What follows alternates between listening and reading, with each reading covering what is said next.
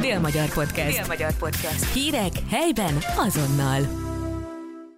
Köszöntöm a Dél-Magyarország Podcast hallgatóit, én Tímer Kriszta vagyok, beszélgető társam pedig Hangai József, az Országos Mentőszolgálat Dél-Alföldi Regionális Mentőszervezetének kommunikációs munkatársa. Kezdjük egy rögtön azzal, hogy ugye most beköszöntött a tél, volt itt minden már ónos eső, hó, csúszós utak, ugye beszélgettünk róla korábban, hogy azért ez mindig magasabb kockázatot rejt a közlekedésben. Hogy köszönt ez vissza a mentők munkájában? Üdvözlöm én is a hallgatókat. Hát tapasztaltuk, ugye a héten itt volt ónos eső, vagy legalábbis útszakaszok éresettek, némi havazás is volt, és hát származtak. Valószínű, hogy részben erre is visszavezethetően közlekedési balesetek, autós ütközések, gyalogos gázolások, úgyhogy ez azért érezhette a hatását. Érdemben a, a feladatszám nem változott, nem emelkedett meg nagyon, de több volt az ilyen jellegű baleset. És ugye volt egy tiszai baleset is, ami mondjuk így szintén a térhez kapcsolódik.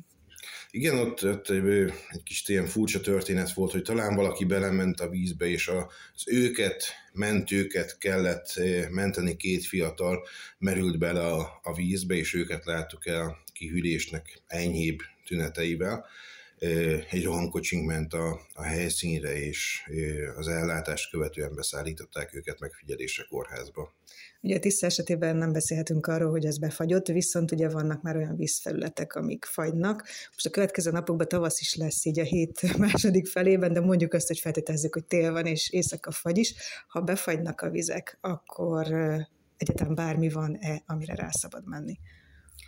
Egyenlőre még, amikor így a, a napali hőmérséklet jócskán plusz fokokat mutat. Ráadásul ugye most csütörtökön ez a 14 fok, amit, amit jósolnak, ez mindenképpen egy figyelmeztető jel arra, hogyha még van is összefüggő vízfelület, aminek a felszíne jeges fagyott, valószínű, hogy annak a, a jégnek a réteg vastagsága nem éri el azt a szintet, hogy biztonsággal rá lehessen menni, az azért tartósan mínuszoknak kell lenni, hogy a, a vízfelületnek az alja is befagyjon annyira, hogy akár korcsiázni vagy csúszkálni biztonsággal rá lehessen menni. Itt ugye a térségünkben akkora nagy összefüggő vízfelületek még nincsenek, a, amik erre alkalmasak lennének. Ugye itt a Tisza árterében is van jegesetés, meg egy-két helyen van jég, de ez még korán sem biztonságos ahhoz, hogy rámenjünk akkor ajánljuk mindenkinek a pályát, aki ilyet szeretne. Így van, az teljesen biztonságos az esésektől eltekintve. Azért ott is a, a kellő óvatosság az, az indokolt, de, de mondjuk jég szempontjából optimális. A múlt héten említettük, hogy ezen a héten a gondos óráról fogunk beszélni. Ugye ez annak apropóján merült fel, hogy ugye sok idős él egyedül, és ők adott esetben nem is biztos, hogy tudnak szólni, hogyha valami probléma van, ugye ilyen történt a közelmúltban is. Mit kell tudni erről a kis szerkezetről? Ugye általánosságban az idősek helyzetével kapcsolatban szerintem egy pozitív előrelépés van, már csak az információtechnológiai eszközök megjelenésével is, itt gondolok le inkább a mobiltelefonra, ugye egyre több idős tanulja meg, vagy már egy ideje használja akár a mobiltelefon használatot is, és sokkal könnyebben eléri őket a, a család.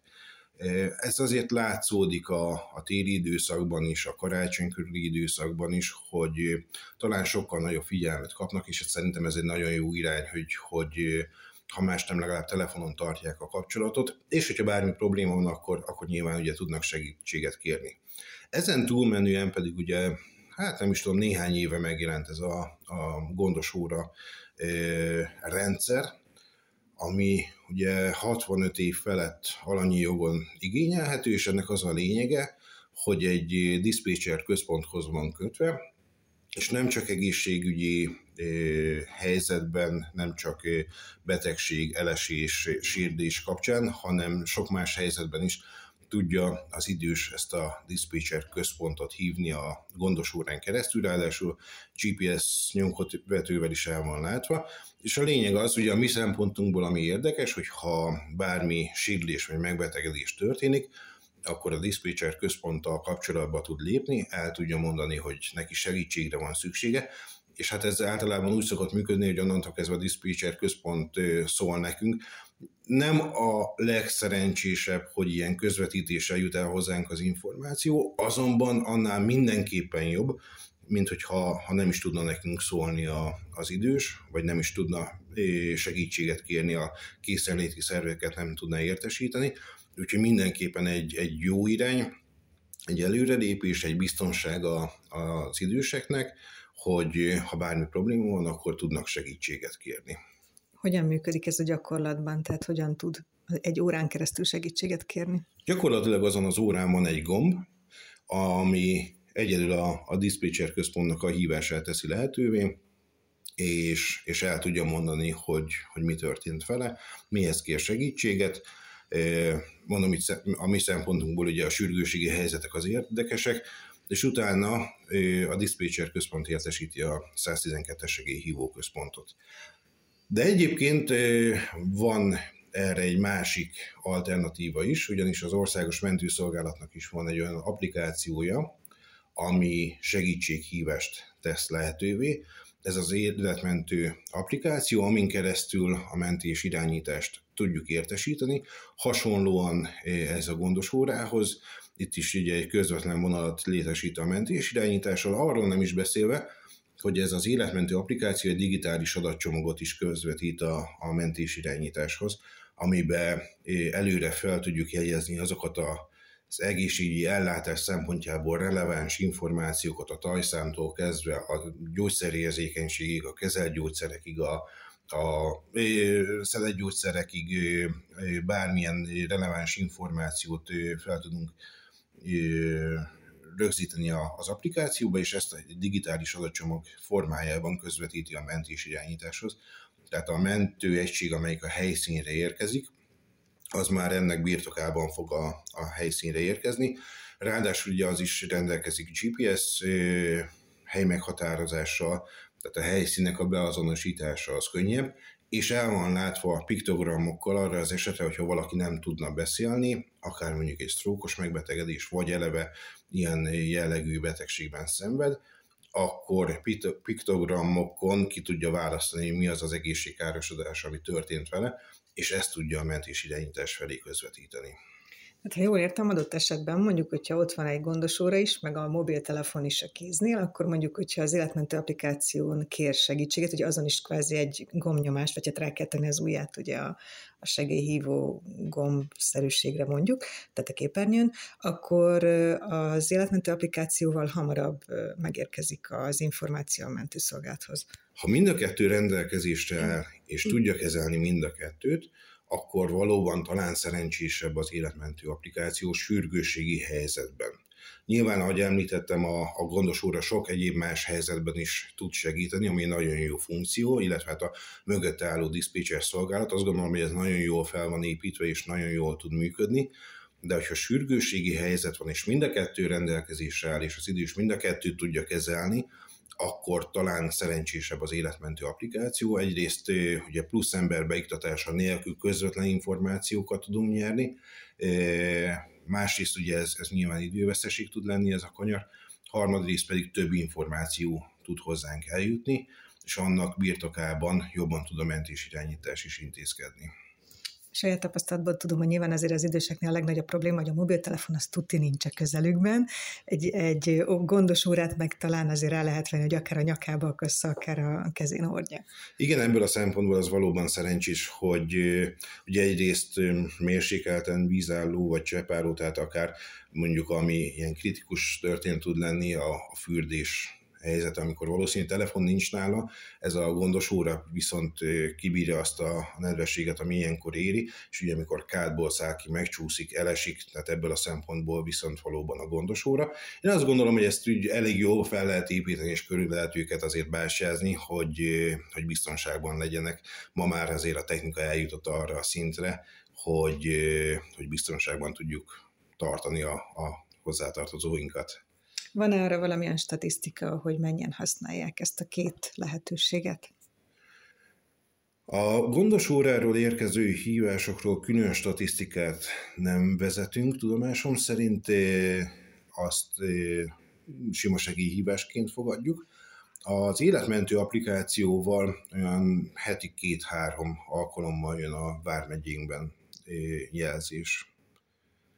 És mik a tapasztalatok egyébként, hogy teljesen jól működik, nincsenek rendszerhibák benne? Teljesen jól működik, hiszen ugye egy telefonos kapcsolatot épít fel a rendszer, és gyakorlatilag csak egy pluszt kínál fel egy sima telefonos bejelentés mellett, ez a, a hely meghatározással, meg digitális adatcsomaggal, de, de egyébként pedig ugye azt is látja a, mentés irányító, hogy hány százalékon van a, a bejelentőnek a telefonja, az akkumulátora, hogy ha megszakad a hívás, akkor látja azt, hogy állapotrosszabbodás lehetett vélhetően a háttérben, vagy csak lemerült a telefon, tehát ilyen helyzetekben is tud segíteni. Nyilván ugye a számot is közvetíti, tehát a mentés irányítást vissza tudja hívni a bejelentőt, vagy vonalban tud maradni a bejelentővel.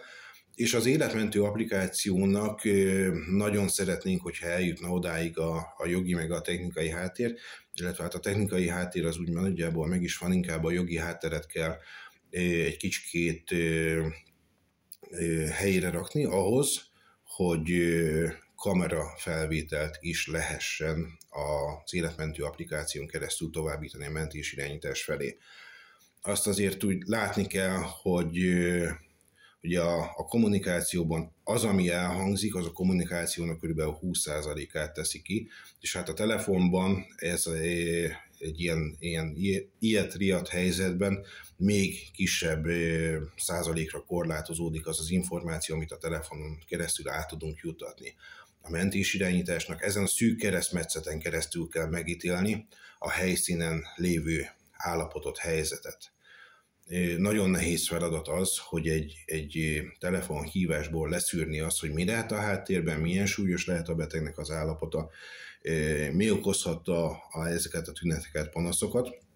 Sokkal informatívabb, hogyha adat esetben látja is a beteget, és az a terv, hogy hogy egy gomnyomással, egy hozzájáruló nyilatkozattal az életmentő applikáció hozzá fog férni a bejelentőnek a telefonjának a kamerájához, és a beteg felé fordítva a mentés irányítás látja azt, hogy mondjuk van-e nehéz légzése, milyen a bőrszíne, sápadt verejtékese, milyen tartásban van egyáltalán ugye például nehéz légzésnek a, a megítélésénél, vagy mondjuk egy közlekedési baleseteknél, közlekedési balesetnél milyen a, a helyszín műszaki mentésre szükség van, valamilyen veszélyforrás lát a mentés irányítás nagyjából, hány sérült el kell kalkulálni, légimentéshez leszállásra alkalmas hely van a közelben, csomó információt tud így nyerni a mentés irányítás, ha ez a funkció aktivizálódik. Mennyien töltötték már le ezt az applikációt? Az életmentő applikációt már ilyen százezres nagyságrendben töltötték le, ugye ez mind Android alapú, mind iOS alapú telefonra letölthető, és aktívan használják is. Valamivel többen töltötték le a SeaCity, de gyakorlatilag mind a két alkalmazásunk igen népszerű, és, és sokan le is töltötték, illetve használják is aktívan. De ezek szerint van még hova fejlődni, úgyhogy javasoljuk mindenkinek, hogy töltse le. Köszönöm szépen a beszélgetést. Köszönöm szépen. Dél-Magyar Podcast. Dél-Magyar Podcast. Hírek helyben azonnal.